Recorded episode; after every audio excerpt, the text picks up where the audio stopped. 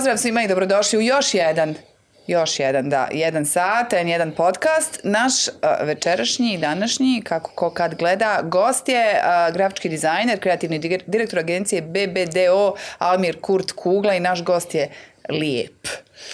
O, dobro večer, dobar dan, zavisi kako nas ko kad gleda. Da, može i dobro jutro. U stvari, ovo ovaj podcast, pa neko možda Dobro jutro, navije Emela. Ali si slatka i po, ej. Kako si? Majke. Ja slatka ti lijep. Kakva nepravda. Sad kad nešto hoće. Kako ne, kad, se neko rodi. Kad, je- kad nešto hoće biti. Kuglice, kako si? Dobro sam, Icko, onaj, nisam došao praznih ruku. Pa ti nikad ne dođeš Pa praznih pa ruku, zato moram. sam ja i zastala i čekam Pa, poklon. joj, najgori su ovi što Najgori, kamče. najgori ovi što nas... čekaj, čekaj, čekaj. ovaj, Stani. Polako da obavimo taj transfer zbog eh, snimatelja, šina, kamera, ovdje da Oh, to ljudi. Sheena, dobro. Nimam problem sad jedan, kad ljudi donesu poklone. Mhm. Što je ovo podcast, imamo i ovu audio varijantu. Dakle, neki ljudi podcaste slušaju samo... Pa dobro, pa ti ćeš kad Audio. izvadiš reći, a vidi, dobil, dobila sam baš E, dobro, naušnice Svarovski. kad nešto hoće biti. reklama reži. Dakle, on sad meni daje poklon. U, daj, daj. U- Brzinom. u- brzinom svjetlosti nije. Kesa u crveno-bijeloj kesi. O, o, poklon je težak. težak Swarovski. Jel neki teg? A, Imam karmine po zubima. pf, ne da imaš karmina. Ozbiljno. Ima Karlo Kol- Količini. To smo da sad ljudi nećemo ovo vraćati, vidjeli jo, da pa što nas vidjeli briga. gotovo kupljeno. Rećemo da je od toga. Imam još? Da vidim. Ne. Nema. Sreće pa ovi e, što nas slušaju audio nisu to mogli vidjeti. Ali mogu zamisliti, nije to problem. Koje boje karminske? Karmina kecu, desno. Šta si mi ovo donio? Šerbe! Ja kad sam vidio u Granaku da se prodaje Mevludsko šerbe, šerbe? pa vidio u polcu šta. Mevludsko šerbe. Prošli put sam ti donio šećera, kafe, pa Evo kontam me vluda, evo radosti, jel se ovo razblaži, razgodi Nemam vodom? pojma. Ma daj! Pročitaj sad, ne znam ni ko pravi, i ništa. Šećer, voda, cimet u kori, Opa. limunska kiselina i karanfilčić. A šta ti, ta limunska Ej. kiselina ti je dobra za limunitet. Čekaj, a pao mi je limunitet. Tako vidim Ček sam da vidim uputstvo za upotrebu mevlud, mevludsko šerbe. Mislim, prvi će treba biti neki mevlud, nema onako... Na... Čekaj, dobro. Ajde dok ja otvaram, reci mi kako si. Dobro sam. Mm. Hoćemo ovo neki mevlud sad organizovati, ja. Kako uvijek u proljeće kukamo da smo umorni, pa ako to je proljetni umor. Hvala, meni, meni neki jesenji umor slomi. Ozbiljno. Baš mi treba odmor od ljeta. Imam jesenji umor, a zimsku depresiju, Uvijek nam nešto fali. proljetno satiranje Jest. i ljetni očaj. Crijevo na lijevo. Ali dobro, držiš se. Dobro, držimo se. Ma, nekako si me sad zbunio, htjela sam toga na početku pitati, to te nikad nisam pitala. Zove stvarno tebi Iko Almir? Ne. Ni mama? Mama me zvala, ali nekad sam bio mali pa se naljuti. A kad ono nešto zgriješiš, Ma Almire! ja, ali ono stvarno me možeš zvati Almire po pola sata dok ja skontam. Ne bi se okrenuo, jel? Pa što bi? Ne. Kugla. Pa. Kugla, kugla. Tako, jedno, to neki prijatelj nazvao, dok su još bilo samo fiksni telefoni, pa mama se javila, on neko, nije se mogao sjetiti kako se zovem.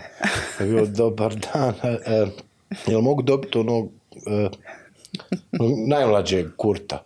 Mama rekla samo malo kugla i onda je on shvatio da je to tako najlakše. Najmlađi Kurt bi sad bio sin. Da. Sin je sad najmlađi Kurt. A, ja sam uvijek ova ista priča, tako sam sebi samo i dosadila, moraš nešto poduzeti po tom pitanju. Rekla da si ti grafički dizajner i kreativni dobro. direktor u BBDO agenciji, ali si ono sve što piše u tvojoj biografiji. Pa i disk jockey. Ja disk jockey mi je najsmiješniji. Gdje si ti kad u životu bio disk Nigdje jockey? nikad. A što pišu? Pa ne znam. Disk jockey. Ne znam. Ali uglavnom ono i glumac, i muzičar, i komičar, i Ma satiričar. jedan, i ma, jedan čovjek za poželit. Mislim, naravno me privit, vjeruj mi. A što uopšte kugla? Ne, Ne. ne, zbog radija, zbog, ne, zbog slušatelja. ne, čekaj, ovo znam onaj- da je glupo pitanje, zvuči kao glupo, ali nije. Meni je tvoja a, supruga Senka ispričala priču koja uopće nema veze s tim što je to ljudi misle da tebe zovu kugla. Nemam pojma. Vjerovatno je nešto ona full. Izmislila. Ma ja. Znam da su me ono, nisam naravno kad sam bio mlađi bio ovoliki, onaj, ali uvijek sam bio za, ono, za razliku od ostalih malo bućka. Malo veći Onaj- i bolji i jači od svih. Pa onda kugla, kurt, tu je, znaš, ku, od ku kad krene, pa dobro smo završili na kugli, da nije šta. Više me nikad tvoja supruga Senka neće pripremati za emisije. Šta li sam... Nemoj se brifovat tu. Šta, šta li sam ja sve Mene do sad pitaj, slobodno. netačno Sad ću ja izgovorila za nju nešto izmislim. o brojnim ljudima, doći ćemo do nje, tako da Dobro. lagano se priprema. Okej. A ti su stvari kugla, ovo sad sve što, što eh, te spada u tvojoj biografiji, ti si, ti si stvari, ono, prava ova FGR. Jesi, jesi ti FGR? Ma nije. ne, Ma mislim, jesam. Jel Šta, šta je Ne, FGR? e, pa sad, to- ovo sam namjerno rekla da ti ja pokušamo Pežorativno, šta je? Šta je da demistifikujemo? Svi se ograđuju. Kome god kažeš ti si FGR, pa nisam ja FGR. Znaš koja sam FGR? Ko, ko je fina gradska raja? Vjerovatno znamo kad se ovo snima i sve. Danas sam bio na protestima ovim. Dobro, Ovaj. emitovat ćemo sedmicu nakon, Dobro, sve nije važno. I onda ti shvatiš da šta god da je subject, zbog čega god izlazimo na ulicu, izlaze jedni te isti ljudi. Jel to FGR? To je FGR. FGR. To su ni- lju- lju- mi- mislim da su to fina gradska. Da sad to gradska me ono uvijek nervira zbog onih žena koje vrisnu u pošti. Ja sam rođena Sarajka. Pa misli da je ona sad tu važna zbog nečega. Ja sam rođena O, Sara- rođena, rođena Sarajka. Ovaj, naravno da te mjesto rođenja i mjesto življenja uopće ne determinira kakav si, šta si. M, mislim da bi trebala fina gradska raja biti ljudi koji imaju taj građanski aktivizam Mhm. i građansku svijest. I toliko. Hvala dođenja. Ali to čisto ljudi kažu u nekom negativnom kontekstu, kao on je FGR. Pa zato što, znaš, postoji masa ljudi koji su intelektualci, poluintelektualci, uglavnom neki, neki pristojni ljudi koji neće da se petljaju ni u šta. Možda je to ta FGR. Da. Ono kao da im je ofirno izaći na proteste, da je ofirno e, iznijeti svoj politički stav, svoj bilo kakav so- sociološki, kakav šta god. Nego im je sve ofirno i sve im, oni su malo iznad toga. Dobro, ali mislim da treba što prije definisati, to FGR, jer vidim da smo poprilično zbunjeni. Ma meni se ne da to definisati, eto ih nek definišu ovaj, kogod hoće. Pa dobro, nisam rekla ti, Generalno mi je onaj baš besmisleno praviti još i te podjele. Baš nam je još i Yes. ta Eto, falila. malo, ne, nemamo nekih torova gdje ćemo vakseri, antivakseri, bošnjaci, hrvatski, receflere, e, sad još FGR-ovci, ne. FGR, ne. FGR. Ali ti si u svakom slučaju uh, rođeni Sarajlja. Rođeni, jes. rođeni Sarajlja i zapravo si idealna osoba da nam malo povučeš te paralele s obzirom da si već bio stasao mladić Mhm. u to doba 80-ih, zlatnih 80 a i sad si i dalje mladić nekim čudom. Jel stvarno to Sarajevo, ja sam bila dijete, pa samo slušam iz predanja o njemu. To Sarajevo tad tih 80-ih stvarno bilo tako prekrasno i toliko puno bolje od ovog sada. Aj, ajmo ovako. Dakle, bilo je šarenije, ako ništa. To U je- smislu? Zgrade sigurno nisu o- bile šarenije. Ne, govorim o, o demografskom presjeku. Mhm. Što je uvijek bilo važno za Sarajevo. Sad smo po, poprilično se malo onaj okrupnjali ovi jedni. Kako da ti kažem. E, onda sad pričamo o 80-im koji su Dakle, oplakali smo Tita i tako dalje i onda je došlo neko interesantno vrijeme e, i olimpijada i poslije Ante Marković i bilo nekih para. Dakle, ja to stalno govorim, mi smo kao, barem moja generacija, svi smo odgajani da ćemo živjeti u nekom socijalizmu, spremali se na to, onda smo imali bljesak kapitalizma s tom onaj, olimpijadom, ne znam kako sinu dobija, ja sam tad prvi put mogao kupiti kolu konzervi i takve gluposti. Pa, pa nam je onda rat skočio na nos, ali baš nam seljački skočio na nos. I onda smo upali u, u ovaj tranzicijski kapitalizam koji u stvari je ono lijep naziv za lopovluk i pasjaluk. Tako da onaj, stalno se negdje snalazimo gdje smo, šta smo. I onda se vraćamo na to Sarajevo. Dakle, bilo je para, bili smo e, puno otvoreni, nije se razmišljalo o ovim torovima o kojima smo sada, koliko god ti bio čist, e, ne zanimaju te te podjele, t, t, ti negdje u sebi opet ljude svrstavaš. To ja, evo, odmah jer su nas stvarno naučili ono baš divljački da, Da, to da, ali uh, ja razumijem što ti govoriš, međutim, ne znam, imaš sad u tim uh, komparacijama Sarajeva sad i nekad uh, jednog, evo, jedan od mnogih Emira Kusturcu koji kao kaže Sarajevo tad, ne može se porediti s ovim Sarajevom sad, ono je sad okrupnjali su neki, Pa ali se mislim, preskoči... kad je on već u Višegradu, se može taj- nam uporediti Višegrad onda Da. i Višegrad Ali- sad ali, ili znaš- bilo koje mjesto na svijetu. Mene, mene smeta što se ono, kad se već to konstatuje, tako preskoči razlog. Mislim, desila se krupna stvar zbog kojeg su sad okrupnjali jedni, a usitnili se drugi. E, u Štokholmu se nije ništa desilo, u Štokholmu 80-ih i sad nije isti. Da, prosto Tako protok da, vremena. Mislim, protok vremena, druge, ono, drugi način života, apsolutno i posebno ovo što nas sve pritišće. Ako opet abstrahujemo rat, koliko god da to grozno zvuči, ono, dakle, novi sistem u kojem mi živimo, za koji nismo spremani, u kojem je ono, koje je jamio, jamio i mislim, stalno neki pasjaluk, neka siva zona, neke krađe, nekih talova, nekog sitne nepoštenja. krađe. Ali sve je to si, Da, da, baš sitno. nasitno. Znaš, kad neko ukrade 10 miliona, bravo majstor. Čestitam. Ali kad se neko ugradi u cenat asfalta, ajme nije to zlo.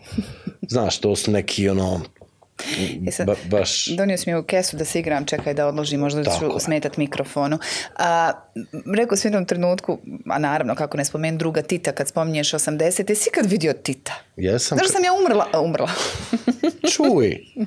Eto, to Ja sam- baš šerbe. da, nije, ovo je Mevlu. Pa dobro, hajde, se veze. vidi Dobro, može Mevlud. za 40. Da. A, dakle, a, a, šta sam htjela reći? Ja sam se rodila osam dana poslije Titove smrti. Dobro. Nisam ga do- dočekao, ni on mene dočekao. Jesi ti Tita ikad vidio? Jesam ja, sad ne znam koja je to godina, bilo možda sedma, 77, jel? Da, bi- bio sam negdje na čošku, to je ono kralja Tomislava i Tito je krivo samo prošao kroz onu gomilu. Ona, pa, pa se ko bi- biva pika da sam ga Ko mi vidio. papu u Sarajevu. Jest, da. tako, onaj, ono, to, koliko dana prije što se rodila? Osam. Osam dana prije što se rodila, bio sam na toj čuvenoj utakmici Sarajevo Osijek i znam da su to prekinuli, kao umro Tito. I, i ja, Koliko je tebi tad godina? Ja sam, ta, tada mi je koliko? Ko, devet, 80-ta? Devet. Onaj, devet, deseta godina. Ona, ja idem kući jer sam ubijeđen da ću za, zateći mamu da se mama ubila. Zato što je umro. Zato što je on umro, znaš, ono, totalno ono, ludilo bilo i u principu je nacija cijela plakala što, ajde, što ga žale, a drugo što, šta ćemo sad? I evo, i evo se šta ćemo sad? dosad nismo S razlogom smo ono, oplakali 80.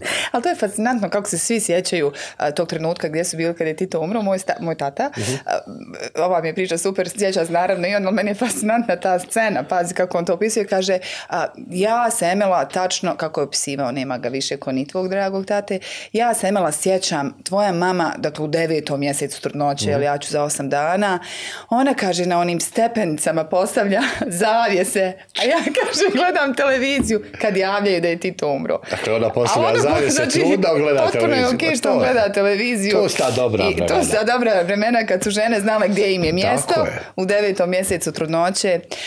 A sad šalu na stranu, a, išao si na proteste. Da. A, hvala ti. Ja nešto imam potrebu u ime svih nas žena da se zahvalim. Jel, jel, jesi zadovoljan? Dakle, kako uspijevam shvatiti, to je da neka standardna grupica ljudi. Pa standardna grupa. Znači, nisi, nisi zadovoljan god- odzivom. Šta god da je, e, ima nas uvijek isto. I to je okej. Bilo bi dobro, to ne, neko reče, možda čak i Senka da je rekla, trebali smo uvesti svakog petka, barem po pola sata negdje da stojimo, da se nešto... A razloga imamo, svakog Razloga ima za drugo. uvijek. To je nevjerovatno da se više ljudi okupi u Zavdevićima, ne damo čiru, nego onaj, ljudi za prava žena nakon što je žena mučki ubijena i što imamo 60 onaj, Da. ubistava žena u posljednjih pet godina. Znaš, to je nekako ljudima daleko, onda vam ovi oko čire se okupe pa kontaš. Super je što vi volite čiru, super je što ovi hoće čiru, meni to ništa nije jasno priča, ali su ljudi izašli i bore se za čiru, pored ovoliko drugih živućih problema, to nisu ono životni problemi, ovo, ovo su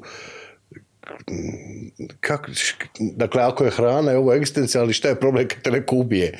Da- Dakle, obe egzistencijalni problemi, ono s kojim se susrećemo, nama je to kao, ok, i još uvijek doživljavamo sve te užasne, morbidne stvari kao to se negdje tamo dešava.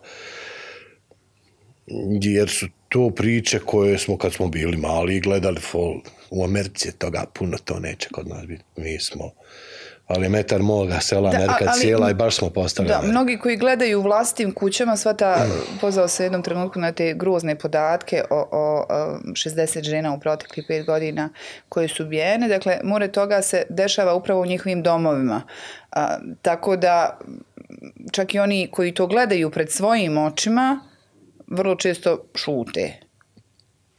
Pa, mislim, imaš... Uh,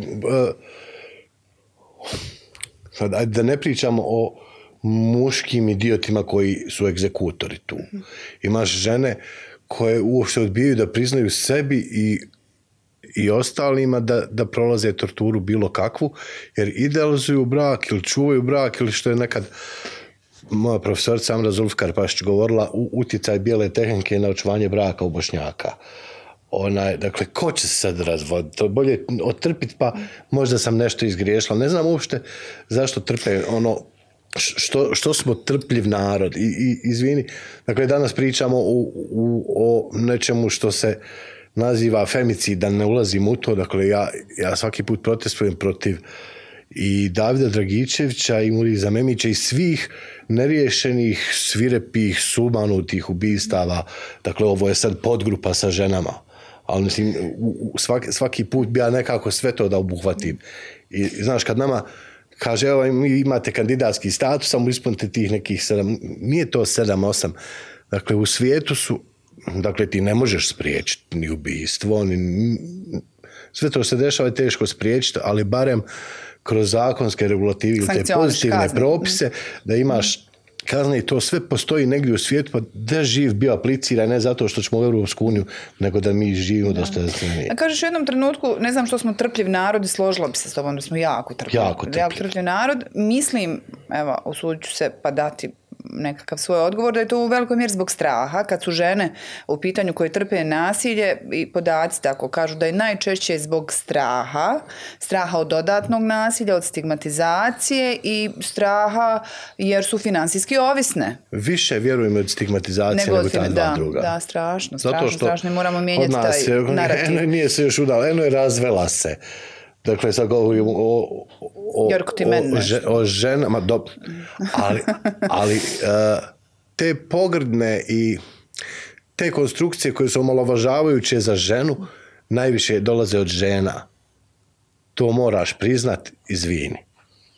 Nažalost moram, Dakle, vi Nažalost, najviše moja. perete jedne druge, joj, ona se, to, to je nama 15. tema. A Žene su vam prva. 15. tema. Ne, to, e, to trač. Sad probam malo nekako da nas opet vratim na ove neke. Žene su vam naravno prva tema. Žene su A tema. Žene su A tema A na, na B tema. strani. Na B strani. A, e, malo čas kad smo govorili o tom Sarajevu, e, neka ti si odrastao u super komšiluku. Jel da? Ne znam kako si. I sad sam tu. ikakav ispao kad bi komšiluk utjecao jel, Joj, toj ne znam, čudim se ja kako sam Što ovo govorim? Zato što je Kugla a, a, u, strogom centru, kao rođeni su Sarajeva, u strogom centru Sarajeva, odrastao uz komšije koji su a, ratni zločinci. nabrojati. A, neki to- su ratni zločinci. riječi, u, u, ulica je Sutjeska, ako ne zna, to je tamo gdje idu autobusi za Vogošću. kako ne znamo. Dakle, duga je Česti smo 50 Vogošći. metara i ima samo jednu stranu, jer je s druge strane ovaj, gimnazija, druga gimnazija, imamo samo te parne brojeve. Tih 50 metara su e, do negdje 86. ili 7. stan iznad nas je živjela Biljana Plavšić. Ulaz pored Radovan Karadžić. E, dole u dnu ulice bio Ante prvi komandant HVA. U ovome, u, u Koreji je odraslo Juka Prazna, tu je bio Boris Krstanović Čile, komandant Diverzanske đeraške brigade. I, dakle, ti u 50 metara imaš ljudi koji su, ako ništa, obilježili rat. A da ne pričam prije rata, dakle, kakvih tu bilo i ludila i kriminala i, i šege i provala i droge i onaj k- kako sam se izvukao od toga stvarno ne znam ali negdje onaj sad u ovo doba nemamo tih e, političarskih zvijezda ali imamo dosta ovih malo što bi trebalo malo legit ponekad U istoj si ulici. Mhm. Da. ovaj Viš, svi su A- ali dobro, i- im- im- ima puno i, i pun- nekako stalno u tom kvartu je o, ja mislim, ne znam sada stvarno ne pratim, ne viđam ih koliko se ko drogira šta li, ali nekako moja generacija, ja i sada u, u ovim godinama barem dvojicu iz generacije sahranim godišnje što su posljedice nekih droga iz mladosti. Tako da stvarno dosta mojih prijatelja je otišlo tuda i otišlo Kako se tamo. tu moglo drogirati? Zar nije bilo puno policije da čuva uh, Karadžića i, i Plavšičku? Ja se sjećam, uh, izvim što te prekidam, ja sam na Grbavci živjela pored Nikole Koljevića i onda je Biljana Plavšić došla kod nas. Dakle, ti si je poslao iz Ona je Sutjeske. došla u shopping, da. Mhm. Onda je došla u shopping, sve je to Grbavica. Doduše, uh, onda pred sami rat, početak 90-ih, baš ih je policija čuvala u našem kvartu. Pa dobro, to, to bili policija nije čuva policajci što u je briga za drogu. kućicama. Onaj, Ma, znaš, droga može. Tako da, samo da se vratim na, na ovu priču o drozi. E, nemam neku potrebu sada da sinu puštam e, ni djecu s Marin dvora zoo, ni ovaj, neki transpotting. Stalno su mu pred očima ljudi koji su ruinirali svoje živote drogom, zna koliko mojih prijatelja otišlo i nekako mu je to sve pred očima i nekako mislim da je to najbolja škola da, da vidiš u praksi šta ti napravi ta budalaština u koju ti zbog znatiželje ćeš malo otići i fakat je bilo drugo u, naše vrijeme kad je bilo tri, četiri vrste droge ovo sad ja ne znam više čime se šopaju da Bog bili i sad čuva šta su ova, šta vam mladost Lijepo šerbe. Šta je vam Yes. A šerbe ne smije, kaže, ima puno Aha, šećera. neće šerbe ne smije, ovo njihovo sve smije. Bojiš li se, uh, odga, ne odgajanja, nego koliko ti je izazovno to sa sinom? Evo, drogu si, lekciju si tu pronašao s način kako da, da tu lekciju naučite. Jel ti frka? Me- Meni je kao roditelju ogromna, ogromna frka. Ne znam šta mi je veći izazov. Ne znam uopće koje su to vrijednosti koje bismo trebali zbunjena sam usaditi u njih u, u modernom svijetu. E, to, to je stvarno veliko pitanje o vrijednostima. Dakle, da li ga učiti ono da bude onakav kakvi smo mi, Šerbe ili droga? dakle klasični levati ili ga učiti da bude đubre. A to drugo stvarno teško da mogu i mislim da nije, nije on plodo tlo, da bi se to nešto primilo. Meni u svemu ovome, ajde nekako ćemo onaj izaći dobaciti do 18. 19. godine i sad, da, da mi živimo u Švici, najljepše, sve super, ja bi naravno njega poticao da ide negdje van studirati, jer će se on vratiti. A mi smo sada onaj dovedeni dotle da smatra životnim neuspjehom ako ga ne otjeraš od sebe da, da tamo i završi škole i formira život i porodicu i da onda preko Sky- Skype-a gledaš neke unuke kojim ne znaš imena izgovoriti, plačeš, ali si sretan, to je ona, da li da ga želim ili da ga žalim, ali stvarno mislim da je onaj, da svi mi ko ludi sada i vršimo pritisak na njih da imaju dobre ocjene, da mogu upisati dobru srednju školu, da mogu se, nekako lakše i da ih što lakše Kad već nismo ukrali, da- da ih kad ni- nismo, pošaljemo nismo znali na čopet. na plaćanje, da. Nismo znali na komit. Da, u svakom slučaju je a, ogroman izazov za one koji eventualno ne znaju sin. Sin je, Da, sin sad sin je, sin je 14 je Kuglin- godina. Kuglin sin koji sad ima 14 godina. Da. Da. Još malo 14. Jeste li ikad ko porodica razmišljali da, da odete svi živjeti negdje vani? Nakon svih ovih godina. Ozbiljno ne. Da smo Samo ono u nekim nismo, ali ono da smo užasno razočarani ovim što nam se ovdje dešava i da si depresivan i da da si ne znam kakav optimista ubiše, stvarno I ubiše prestaje. i, i, i a, ono malo prije smo pričali trpljiv narod pa trpljive žene, mi smo trpljivi svi ja ne znam kako mi trpimo da nam ovako bezočno kradu, da nas ovako mm, ovaj da se niko ne buni ništa. Da mi dozvolimo od, od nije benigno, ali da, dakle, kogod je bio ovdje u ratu, svi smo se kleli u Dragana Vikića. I onda kad ti čovjek tamo e, pogrešno, lažno ili kako god optužen, pa se vadi, pa pobjedi, t, t, t, što mu uništi 10 godina života, umjesto cijelo Sarajevo da je tamo da mu daje podršku na svim tim ročištima, ne. Dakle, to, onaj tamo Fadil i ovaj gospodin s Malnama i gospodin Solak što se razbije na motoru u koroni pokradu nas. Nije meni, tu, tu, dakle, to sa respiratorima nije važno što je 10 miliona, važno je e, koliko je života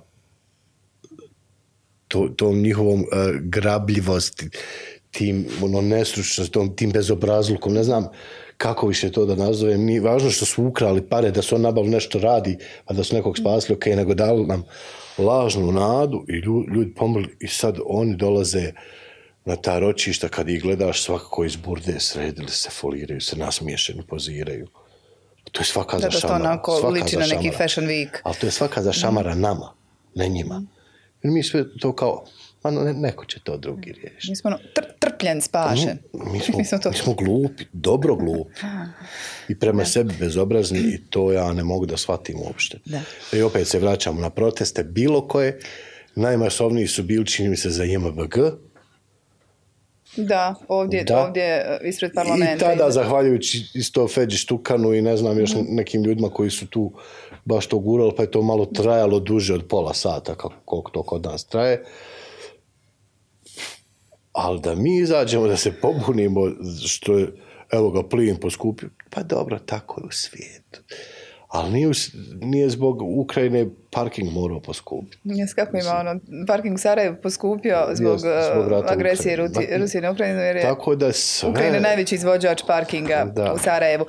Hajde se malo nasmijemo, nemoj, sad već mi je ono, popću ovo šerbe. E, neki Pao mi dan- je šećer. Neki dan krenut mi na Dobrnju.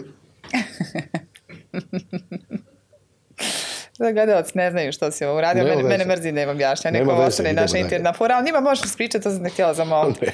Kaže- Ka- molim te, ne kaže to, ne da- to, drugo. Šta? Hajde reći. Šta da ispričam? Za Nešto Dobrnju? sam te htjela, ne za Dobrnju, nego za Sutjesku još nešto. Koje? Mislim, iako je bilo kod Neleta Bjegovića u filmu, samo da im ispričaš kako si pao s prozora. Molim te.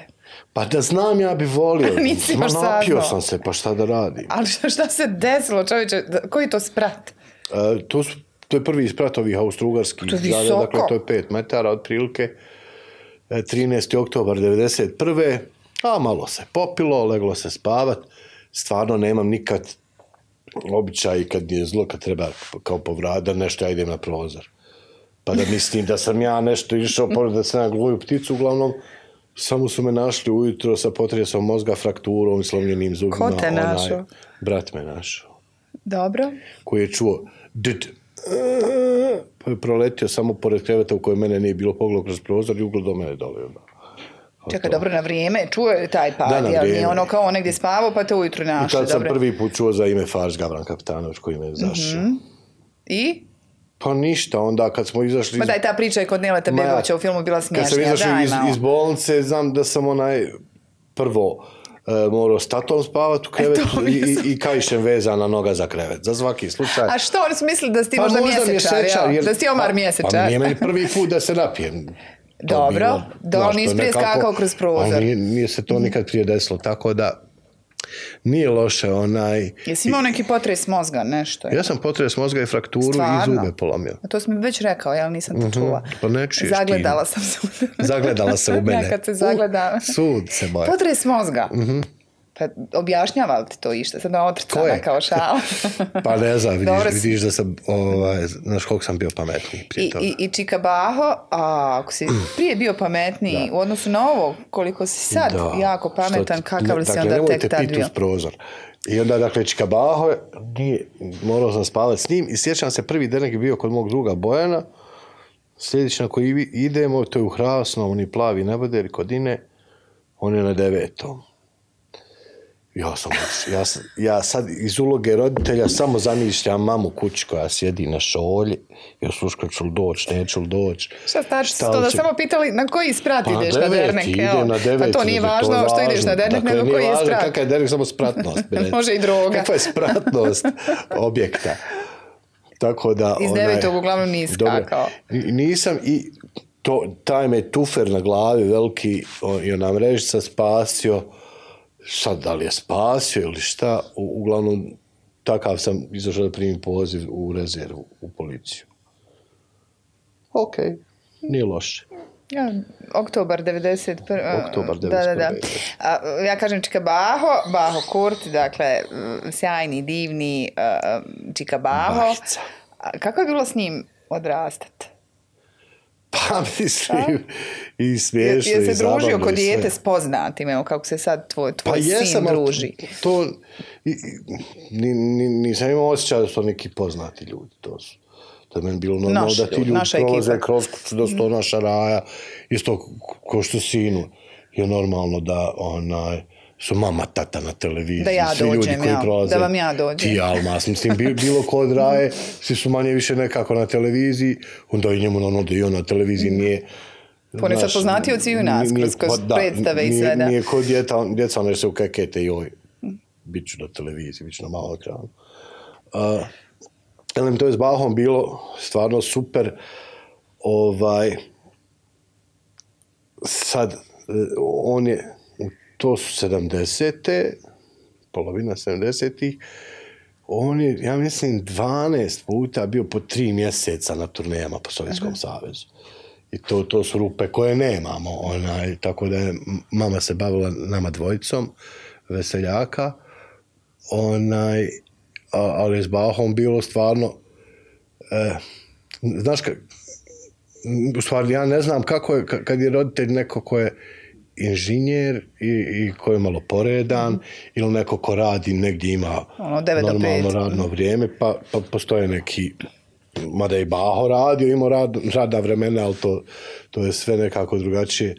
Ona, u, uglavnom, od, ne znam, e, Safeta Sušća, Kinđeta, kro, kroz kuću, H- Svi su vam sjedli po kući, Hađbegića, Čole, Keme Monte, mislim, znaš, Pimpec, Čekaj, kad dođu u Kema Monteno čola Baho, ko pjeva Baho normalno. jel? Niko ne pjeva, puca se karti. Znaš, no, oni su, je nisu pjevanje oni posao. bili željni Došli da se ne, nečeg toga, aha. Tako da ona, Ali ja imam osjećaj, sasvim ono, je to ono bilo što sam ga ja znala, uh, prvo bio veliki džentlmen, to mi je bilo, bio je besprijekoran džentlmen, uvijek kompliment, ono trebalo otići kod Čikabahe da vam popravi raspoloženje. Ili da ti kupi Komplimentira da kupi šerbe, evo naslijedio si, Ah, bar nešto. što šta, a, a imamo što da bio duhovit, jesi to od njega naslijedio? Jes, jes bio je provala baš. Da je baš bio provala. Pa i mislim, moraš biti provala kad, kad si, uh, opet za, za razliku od drugih roditelja koji rade ne, ne- nešto drugo, on se kreće, taj svijet tih muzičara u to doba, pogo- pogotovo u to doba, to je bio sve goša klaban. To su samo provale i šege i kako će spačke jedni drugi napraviti. Nije bilo sada ovih, kari, kako sad karijernih muzičara, pa oni prave od sebe neku misteriju, onaj, nego su svi bili stvarno veliki Pro, šaklaban. provala za provalom. Evo i tebi u biografiji piše komičar. Ma da, to, to mi je najdraže. A stvarno ljudi Ko piše često, znam ja, ne znam, o, ne znam, ono, komičar ili disk jockey, ne mogu da se disk jockey. odlučim šta mi je tu a, upitnije kad je tvoja biografija u pitanju, ali smiješan, duhovit jesi. Ali ja zamišljam negdje da vi duhoviti ljudi imate sigurno pritisak što što društvo uvijek očekuje da vi kao bacate neke provale. Nije to pritisak. On nije Ili uživaš u toj ulo- ulozi da zabavljaš. Ne, nemam uopšte odnos. Da- Dakle, ja sam neko ko mrzi viceve. I onda kad Ček, ti mrziš to- slušati ili mrziš... pri- Generalno, Ne, nije ti to. vicevi, mhm. s tim nekad ima neko ko dobro priča, pa ti je hajde okej. Ima naš snimatelj ovdje, Nedi Magić, on samo priča vice. Ali- Poslije ćete njemu poslati. Dakle, znaš, i, i ti kad dođeš neke, joj, si ti, hajde, daj neki vic. Mislim, Traže ti ljudi vice? I onda imam problem što, o- osim što ja imam svoju krizu poslovnog identiteta zbog svega čime se bavim, imam nekad krizu pojavnog identiteta jer ljudi me zn- znaju me, brate. Ali se ne može on sjetiti sad. Jesam ja Milan Pavlović, Pjer Žalca, Kosta Basista, Dragan Marinković, e, Miljenko Jergović. I to su sad čuda šta, šta se meni de- dešava sve po ulici, Čekaj, ali su uglavnom ljudi prijatni. I onda mi je bio veliki problem zbog tog mog vicađistva, onaj kad su Milan Jens snimili moju sulju. I onda prilaze ljudi po ulici misleći da sam Milan, pa mi pričaju viceve koje mi trebali. A nisam džubre, kao nisam ja taj da govorim, nego kao sve, saslušam, nasmijem se, ali to... Praviš se da to do kraja. beskrajno. Pa šta, ne može, lakše, vjerujem, lakše nego objasniti. Nisam, a koji si onda ti? Ma daj, bogat, znaš, stvarno komplikovano. Me najviše bacaš na Miljenka Jergovića od svih nabrojani. Ma misli, joj. Pa to je, jedno bi na pijaci prišla žena, dakle, supruga Senkinog tate se zove Rabija i onaj, i, i joj, Rabija ti je super. Kod tam sve super. Da kod tam Miljenko izdao neku knjigu o Rabiji neku. Znaš, ti stalno, stalno moraš biti oprezan kako uh, odreagovati. Jesu te pogodili? A ljudi su preslobodni da priđu i prokomentarišu šta god hoće s tobom. Zato jer ste negdje vidjeli pa te ko bi vas znaju. vidi, ja nisam, ambivalentna sam po tom pitanju. Nisam sigurna je li mi to super u Sarajevu ili me to nervira. Što su ljudi... Ist- isti Jel da, tu. nekad mi je super kako ljudi tako Da. priđu, ono kao da ste svoji, svoji Sve ste super si. to, ali nekad, nekad nemaju mjere, nekad su dosadni baš. Ali ti stvarno, mislim, ozbiljan poslovni čovjek, kreativni direktor jedne vrlo ozbiljne agencije, nemoj, nemoj sad smijati sam ja ozbiljna. Dakle, ti radiš na ozbiljnim projektima sa svojim grafičkim dizajnom, velike projekte radiš i desi li se nekad to podrazumijeva i sastanke, vjerovatno sa ozbiljnim poslovnim ljudima, tamo neke banke, institucije, da, da dođeš pa da tu malo taj uh, podijeljeni identitet, višestruki identitet U, u principu na tim sastancima... problem. Ne šalju te na sastanke. Ne, ša- šalju ali već se zna ko je šta, nije to baš tako naivno. Ona, bombon. ma, mada generalno kad dolaziš kod nekog najnovijeg klijenta koji je obično su to naši domaći proizvođači nečega, no, super, Mogu ja samo, ti pričaš, dobro. čas.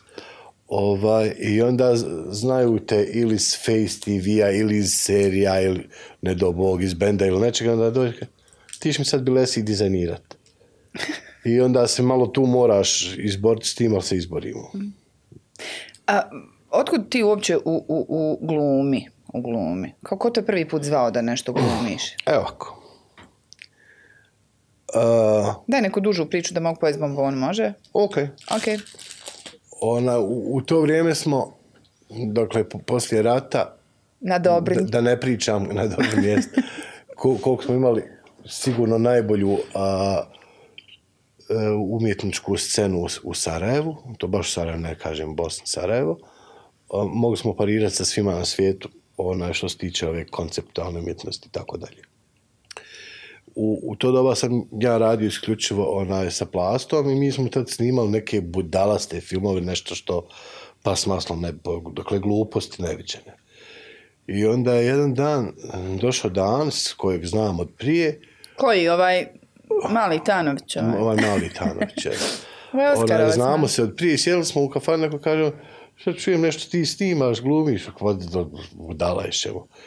I čovjek me zovne, kao bil ti neki film, nešto snimam, hajde, hoću. Ma čekaj, što da li ste neću. Tanović prvi zvao? Dakle, prvi, prvi moj angažman je e, Ničija zemlja. Prvi je Mhm. to angažman. Što sam ja mislila da je bilo i prije? Ne. A, dobro, nastavi. Prvi je to bio i onaj, i onda se tako trefi da snimiš prvi film prvi film dobio Oscara. To je zbog tebe. I onda je Prosto. bilo ono, onda su me ljudi zvali što valjda malo da, da, da je talično. Ne bi im donio njima. Ma- malo je talično, malo, malo fali debelih ljudi, malo sam valjda opušten pred kamerama pa, pa mogu nešto iznijeti i tako se desilo sad imam stvarno u CV-u baš Tri Oskara. hr- hrpu nekih filma, nemam tri Oscara, nemam ja Oscara, Dans ga ima, nema ga niko drugi. Ovaj, a, ali to pravo lijepo i obožavam te sete, obožavam snimanje, obožavam taj svijet. I to mi je onaj stvarno slatko i divno, s tim što uh, se sta, stalno nadam, jer sve su to, bar mislim da smo dobri prijatelji i dobri drugovi sa svijet, e, glumački svijet iz Sarajeva, pa se nadam da niko ne da im udaram na kašku, zato po, pokušavam da me nema baš previše negdje. A misliš profesionalni glumci da, Da, ne i šta to kao da ovaj im sad ulogu? uzimaš. Mhm. E, i, dakle, jed- jedno vrijeme sam ja bio jedini debeli čovjek koji je mogu, pa sam da pojavio kustura. Pa koji onda je on smršao, Udario da, sebi na da, kašku pa smršao. da. Sad opet kad treba debeli je kuglač. Ti nemaš problema, otvorno pričaš o tome, šališ se na svoj račun, de- debeli taj termin koristiš. Da Mislim, ga mogu sakriti, ja bi ga sakrio. ali variraš kilažno, dešavale Variram. su se a, a, Pa ove... znaš kako je, jutro sam onaj, to baš pričao, pošto sam se spremao za, spremao, onaj, znao sam da ću ovdje doći, pa sam otišao da operem kosu u frizeraj. Nije mi se Za dalo. emisiju. Aha, nije mi se, i stavio kapu, pa to ne. I baš smo pričali o tim kilažama i tako dalje. E, kad, kad imaš ovolike kile ko ja, vrlo brzo ih možeš gubiti kad hoćeš. Dakle, ti da smršaš kilu, ja ću deset. Da je istina, jer je previše toga imamo i to je nekako normalno. Pa onda kad nekom kažeš smršao sam za mjesec i po 40 kila, kaže, "Oh, kako? Pa tako, prestaneš jesti, baviš se mm, neki suplementi, neka čuda, onaj, i može se. Samo je pitanje glave i ljubavi prema alavosti i ne postoji ta dijeta kojom ću ja smršati i ostati do kraja života tako mršav. To ja sve vratim fino, uzorno Osmice. i vrlo uspješno s osmicama. Onaj, tako da, znaš, tu- tu s kilažama i, i smiješno je kad sam ovoliki, govorim, balan, pa šta ti misliš, koliko ti misliš, ideš doktoru, pregledaj se. To ti sam sebi. Govore ljudi. Ljudi, aha. Onda ja smršam tako. Dobro.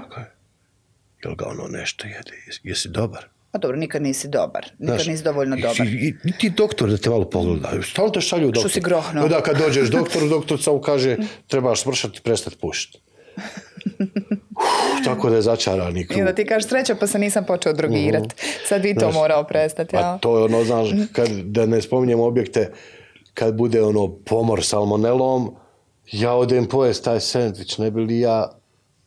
A, Nisi. Svi smršaju od u ništa. Ti otišao namjenski. Pa šta ćeš, ne, ne. Ja sam ne- dva ne- put jela u tom danu i dobila sam A naravno dobro salmonelu. dobro si, ostalo.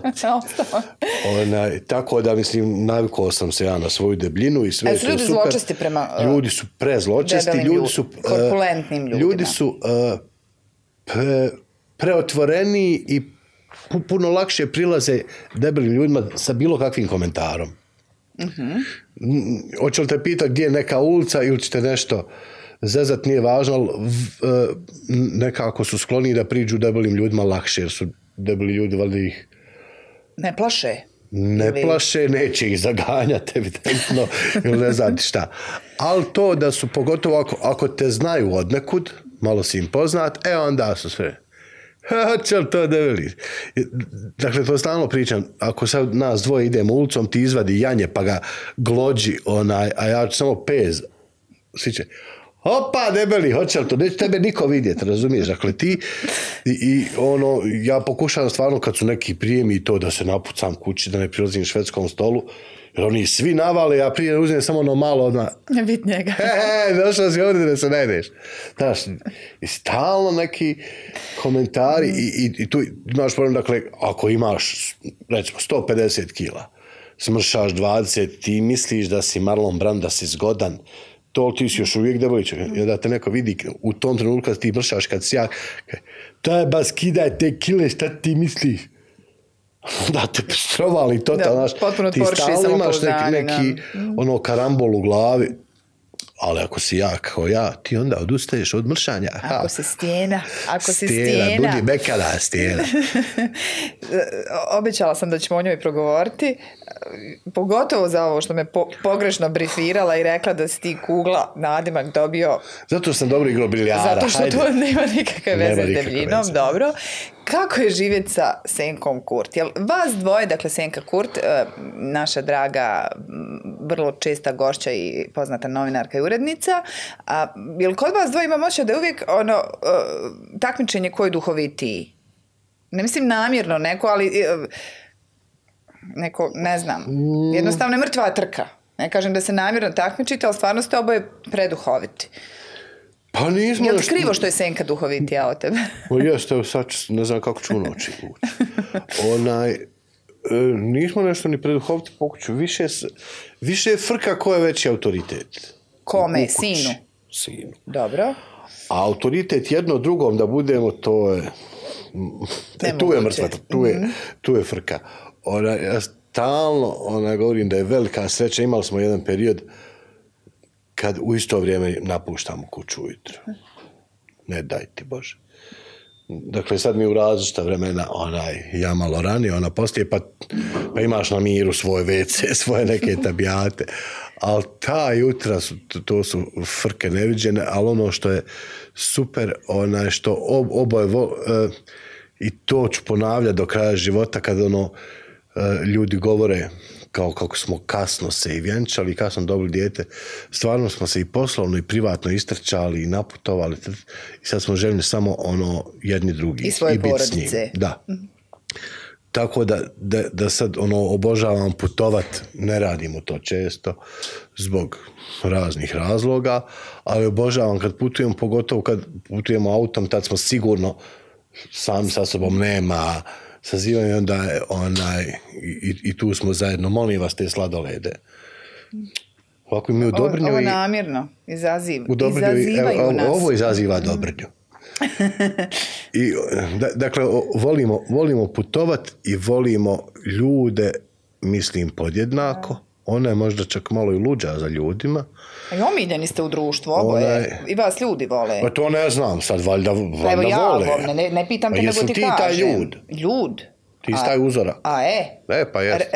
Volimo i mi tebe, uzorak. razumiješ, evo da ti vratim odmah back and forth. Sad tamo ljudi govore e, što ne mogu ni jedno ni drugo. šta Ne govore sad, to su počeli govoriti kad je, kad je krenuo play. Kad je men Karmin, ono još bio na zubima. Yes, dok je bilo dok su mi se smijali. onih para, dok je bilo karbira. Tako da, onaj, stvarno volimo ljudi, volimo druženja i volimo pokućama i to ti to. Po kućama volite. Mhm, Dobro, zvaću vas. A, I kad prijetiš. To kad ste, zvaću, to kad ste, to kad ste uh, uh, u isto vrijeme ustajali, izlazili iz, iz kuće, uh, jednom vam je nešto zvonilo po, po, po haustoru, pa, pa ste vi mislili da je neki požar, alarm, A šta se- moraš li se sjetiti, dakle, sad dok sam ja prozvao šta se desilo, sad Pa hoću moram... da pričaš ljudima smiješne priče. Prvo si nas sekirao tamo ono, o tome kako nam je situacija grozna, to znamo i bez moram tebe, da da se sjetim kako se to sve dešava. Zvoni neki alarm, Dakle, ja sam u, vi se u, u spremate. WC ujutro spremamo se i čujem nešto.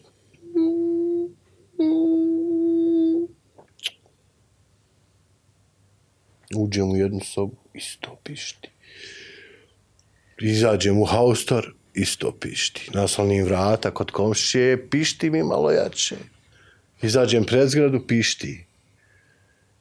I već je frka i nervoza, ne znam šta je bilo tih dana, možda je čak bila opet neka eksplozija plina, kako to kod nas bude često, pa je malo, malo je to sve ozbiljnije nego što nešto pišti, nego malo je frka, dijete spava, treba dođe žena da čuva, onaj, i pišti, nervira me, pravo me nervira, dakle, znam da nije pištanje u ušima, ono kako, to, zaboravio sam kako se zove taj fenomen, on, nego stvarno ga čujem i gdje, na šta god pricne muho, čujem ga intenzivnije, kod da odatle dolazi. I sad mi imamo dole onaj komšu jednog fotografa koji malo slabije čuje. I sad prolazim, čuješ li ti ovo? Kaže on. A meni probi mozak. Gdje je Senka? E, Senka dolazi za mnom. Čuje i ona. Čuje i ona, jer sam sad više i nju izludio, jer smo stalno zajedno idemo, ulazimo u sobu, tamo vamo, te, par izvinite, te. Onaj, ja uđem u auto, ono, pišti, ja ovako, telefon, upalio se neki pisak, neko ću, dakle, telefon gdje god, gdje god sam, ono, u džepu mi, nije mi palo na pamet da može takav zvuk proizvesti telefon, što bi. Ali to, znaš, kad ono ko čašku, joj, sve glasnije i glasnije. Tako da sam, A znaš šta sam to je bilo pravo smiješno, ali pravo davno i ne znam ti to sad Nisi prepričati, mi lijepo ispričao, što da ti kažem, nisi mi lijepo ispričao. Eno, nisi mi lijepo, Nisi zato jer je bio ispričao. detalj taj, taj, taj, Htjela što sam da ti kažem da a, se vidi u vašoj kući ko je, ko je od uh, riječi, ne u smislu obećanja, nego kome riječ bolje polazi za, Aha, za će to ustima. bolje prepričat? Senka to bolje prepriča, ona istina vjerovatno dodaje neke Ma stvari koje se nisu desile. nisam Znaš kako besjedar. ona to pričala? Da ste vi otišli kod jednog komšije, pa ga probudili, pa alarmirali, pa da je to svugdje zvonilo. komšiju. Da. Jesam, zvao da, sam ali nekako telefonom. nisi baš to, da. Pa ne znam ja to prepričat, pa da znam pričat, pa ajde dobro. boga. A- Ja, bilo je, haha. Št- št- Šta vama znači Karne? Što će vama Karne? Mislim, super band Karne, ali šta, zašto vam služi? Da, da, da se vi zabavljate, da, da se, mi za- zabavimo i da zabavimo naše supruge. Tako je bilo, Supruge. od da imaju se gdje isplesat kad je, kad je kao koncert. Da. A, tek sam nedavno pročitala uh, da je Feđa Isać rekao da, da ono, ljudi kad kažu karne, jel, pomisle na šta kajne. pomisle, da. Da, a u stvari vi ste to kao ono karati, ružiti. Tako je nastalo Pa karne, može jel? odkadati ružiti, može biti karne, meso, na Mislim, ovo Feđa kaže, ne znam ko je Znaš, šef benda. Ma joj, više šefa Ko je benda, stvarno pusti. šef benda? Et, Feđa je šef. Pa šef benda kaže da je to kao ružiti. Znaš, kao ru, ružiti, a svi kao, no sad se zblažnjavaju, zovete se karne. A prije 30 godina si najnormalnije išao da jedeš karneks, pa šta je to, haj bogat, ne, ne. Dobro, uglavnom vama te ka, kar, Tako da su nama karne, karne, u, u, niko od nas ne ide da igra lopte na, na neki termin pa da slomi nogu Mhm. sa, sa ljudima svoje generacije, nego mi idemo na probu i tu se ispušemo i pravo nekako uživamo u tome. Mislim, nemamo mi sad nekih svirki, nego kad ima svirka pa se nađemo prava proba i, i to ide fino i nekako ja sad sam Kuga inače siguran- pjeva u Karnama. Siguran da mi možemo izaći ono, da, da se potučemo s bilo kojim bendom na svijetu, jer smo stvarno usvirani. Što ti je dobri. samopouzdanje? Baš, ono, rijetko kad ja za nešto mogu reći da smo tu najbolji, neš. Karne su odlične. A koji je, ono, ko pitanje iz spomenara, kao koja ti najdrža knjiga, koji je te trenutno najdrži bend na svijetu? Aj, neću ovo, ovo ću te pitati, kako ti je bilo na Stingu u Sarajevu? Jel to Dvije bilo stvari su mi uništile Stinga. E, opet on ovim negativnim? pa šta ću, pa provušim ajde, tamo gužu i sinu, Bila je gužva grozna. Po, poslije Stingovog sina, našem sinu pozli i mi ga izdesemo vani A, i u hitnu i neki kisik i pao mu onaj pritisak i tako dalje. I onda nakon par, kad se on dohafizao i dali mu ljudi čokoladicu i šta god da je, ona, on sen kad su otišli ako biva ostao da uživam, E, a misliti s njima. o- o- od toga savu defektu, a posebno pozet se traži gdje ću gledat kliks ko je pobjedio na izborima. Tako E, da, da, nam to je sam onaj... da, da. Sljedeći Znaš, put bilo mi nestvarno, bio mu je predivan zvuk, stajao sam na najglupljem nekom mjestu iza i sve to divno čujem, tako da ko, ko da i ne vjerujem da sam bio, na- ko da, sam, ko da je srazla sa Dobro, nekog ali ti fali toga bila. u Sarajevu? A ne da mi Jel fali, nego ona je za To je meni, ja sam bila tužna što toga nema više. Dakle, mi, mi, mi smo toliko budale da, da slaviš godišnjicu koncerta YouTube-a. Da ga obilježava. Dakle, Jadni. Baš smo mizerni. Ja slavim isto svake godine. To, uh, najbolji koncert u Sarajevu na kojem sam bio je bio Jamiroquai. U Skenderi, to mi je najbolji koncert od koncerata ovih stranaca. toga, da. I onda se desilo, više se ne sjećam koja je organizacija bila, ni ko su bendovi, ni šta je, čini da je bio Eros Ramazzotti, Simple Minds, Deep Purple, a sve dan za danom u Zetri i sve po, po 300 ljudi ko na protestima ovi. Znaš, ni- nikako masu i to je ne- negdje čini se ubilo i kakvu želju ikome da pravi neke velike koncerte jer ko biva ovdje ima, Nema ima zainteresovanih ko za Eltona. Johna 83. Da, da. da, fali u svakom slučaju, ali evo, te dvije stvari koje su ti pokvarile koncert, sin je sad dobro. Dobro, dobro, Dobro, to, to mi je onako najvažnije. A mi, poslije tog drugog oktobra, kako ti se činimo? Jesmo mi dobro? Hoćemo li ikad biti dobro? Nećemo Još se zbrajaju, biti sigurno, dobro. iako snimamo sedam dana ranije, sigurna sam da će Neće se znat to ništa. uh, nemat pojma i dalje o rezultatima Što bi rekao Bakir, mi smo se prebrojali i onda kad treba da se broji, ne zna niko brojati. Pa Zato što smo se već prebrojali, nismo shvatili da se opet treba Mislim, sve obrojati. budalaština. Znaš šta meni izluđuje, sad, sad, ćemo malo ozbiljno Ajde. razgovarati. E, možemo mi pričat kao protiv SDA, protiv SNSD-a, protiv HDZ-a, jer je to trenutak sad ovaj. Mi u ovom trenutku, budalasti ovakvi, navijamo za SDS da pobjedi SNSD. Jer smo mi budale. Jer neobične, kratki, kratka pamet i tako dalje. Onog tvog komšije Karadžića i Tako Biljane je. Plavšić. Ja, ja sam nekako, mislim da sam, to blago zvuči socijaldemokrata, da sam socijalista, komunista, da, da sam taj. I mislim da je to ideologija. Mi trenutno, e, ja stvarno i u kampanji i u svemu, nikakve razlike u programima. Ne može biti razlike u ideologijama jer niko nema ideologija ni na lijevom ni na desnom spektru iako nema ni desni ni lijevi spektar, samo se zovu tako, oni su svi manje više isti.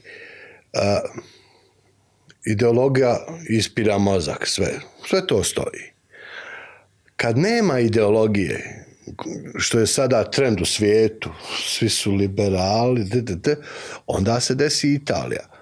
Onda se desi pojava fašizma koji je ideologija. Dakle, ideologija je neki fenomen za koji ljudi gorljivo žele da bude tako. I onda se oni bore za nju koliko god je taj fašizam pogrešan. Ali on ideologija, a ideologija podrazumijeva go, gorljivo zagovaranje nečega. A mi smo svi indiferentni jer nemaš ideologije, nemaš ništa. I sve ovo u principu e, tender koja će firma voditi državu. Stvarno javni tender jer su oni svi firme nikakav program, ništa, ništa, ništa i duboko sam nesretan zbog toga što ono već ne znam nija koji ciklus mi glasamo protiv, nikad za. Uh, Bečirović je meni ok, dakle ne, ne mogu gorljivo glasati za njega koliko mogu gorljivo glasati protiv, Protiv ovoga. da. I, i Da. znaš, meni je, e, ja sam se bojao onaj, u, u izbornoj noći, ako Bečirović pobjedi, njegovog nekog euforičnog govora i proslave kojeg srećom nije bilo, bio super, jer sam već bio spreman da mu napišem ljubav nisi ti pobjedio, nego onaj drugi izgubio. Ne znam kako da ti objasnim. I, I to su ti problemi što ti uvijek glasaš protiv nekoga, nemam se više kome radovat. Dakle, desete kad, je, kad su ovi nominalno ljevi pobjedili, ništa se nije napravilo da pače, mislim da je bilo čak i Bobu gore, onaj, spali iluzije da može biti bolje i totalno sam Ti kao što, ja sam socijaldemokrata, to je sad po opredjeljenju. Da, da, Jedno vrijeme si bio i, Pa bio sam u SDP-u, godinama da- da i izašao sam ovaj, iz SDP-a da to u trenutku kad su postavili onog Hajliju što je ubio Srbe u ratu za direktora Toplana, čini mi se. Dakle, ti si toliki šaklaban da to ili ne znaš, ili si toliko bezobrazan Ja ne znam da što ti gore potvrdiš. sad u neznanju Da, ili tako da sam ono ja tada napustio SDP, za koji i dalje mislim da je pun super nekih ljudi i, i, i ostalo, ovaj, ali e, n- joj sad će ispast da ja nešto kamčim, da me zovnu iz SDP-a. Ne, SDP se tako lako odrekao super ljudi koji su otišli iz SDP-a. Dakle, evo mene nebitnog koji sam tamo proveo ku- u kumulativnu sam godinu sjedio u onoj tamo kancelariji pa s njima naprđivo. Onaj, on samo ako neko izađe iz bilo kakvih ne treba. Ko Bakr kad kaže za Efendića gdje ukineš jedno drvo izrodit će dva jaštače. Bilo nešto dakle, s crncima, šta je ono? Ma ja, Da. E- E- SDP se, a i svi ostali, tako lako odriču ljudi i onda ti, dakle, samo se sjeti SDP od prije 15 godina nekih super sjedi glava, pametnih ljudi, tu stručnjaka, za šta god hoćeš. Sad je sve to nekako... No, pod njima podrazumijevaš i, na, i Lagumđiju. ne podrazumijevam da je mud- mudrac. Onaj, ali e, to vrijeme, dakle ja sam bio četiri godine vijećnik u općini centar i to mi je isto otvorilo oči, dakle e, tad, tad sam shvatio ono na terenu vidiš fino, da te uopšte pripadnost stranci ne determinira kakav si. Što sam prije mislio, ako je ovaj iz SDA, ne, ne prilazi mi, ovaj SDP-ovac, on je super. Od tad Dakle, se družiš i s nekim Tad, SDA-ovcima. tad jel? sam vidio da je u SDP-u ima isto i jako lošeg svijeta, ko što u SDA-u i ostalim Jasno. ima sasvim super likova. Tako da, i, i to je opet razlog što nema ideologije, nema ništa, sve, sve su interesne Uglavnom onaj, nigdje smo. grupacije. Molim? Nigdje smo. Nigdje smo. Kad te Mi nigdje gdje smo. nismo i sad nam ovi daju kandidatski status. Kad je ono, Jovan Sattler čestitao građanima, kako se ti osjećao? Ma mislim budala sam, stvarno. A, n- Jesi n- osjećao znaš, ja kao, sam kao da se treba nešto Teorije čestitati? zavjere čuda, ali a, a, al baš u trenutku kad je savršena e- energetska kriza u Europi, onaj, da oni nas ovim našim energetskim potencijalom kao vi, gospodine kandidat, izvolite, a mi smo pokazali da imamo svoj intelektualni potencijal, da je to još više da skinemo gače pa da kažemo, eto nas, uzmite šta hoćete i onaj, Tako da, baš smo daleko od zelene grane. Isteklo nam vrijeme. Neću, hoću ja još. Koliko smo ono u Dobrinju, mislim će ljudi imamo nešto protiv Dobrinje. Ne, ne, ne, ne, to je bila neka intirna šala. Znak za prelazimo na drugu temu. Ja sam dobro ovo sad izmislila. Jesu, dobro. Snalazim se u lažima. Ali nismo još pri... O čemu? Ovo ti je kod Dobrinja. Substitut za Dobrinju. Smislio sam novu. Dobrinju. A, za kraj, daj mi samo reci, gdje, gdje te sad očekujemo gledati to? Šta čekamo tvoje gdje si glumio? Aha, da, To ček, ovako čekamo, onaj, d, s- pr- prvo da pohvalim uh, kako, BH Telekom, što je živnula scena što se počela raditi serije. Mhm. Dakle, u trenutku kad Mustafa Nadarević umire, dragi, onaj, b- ljudi uopšte ne znaju koliko svijeta ostaje bez posla. Jer se gasi jedina serija koja se tada snimala Dobro. i bila potentna. Sada se snima 3 do 4 serije, imamo u najavi još zahvaljujući tim paricama i to je super. E, nema me u Hoćeš ih sad i kritikovati što su N1 ukinuli, pošto si pohvalio pa da i kritikuješ što su ukinuli N1 pa da nekako To bude sam balans. kritikovao ja gdje hoćeš, ali mogu uvijek. Pa hajde opet da meni bude lakše da te ne I moram. vratite Pa N1, šalim evo prošli su izbori, haj bogati.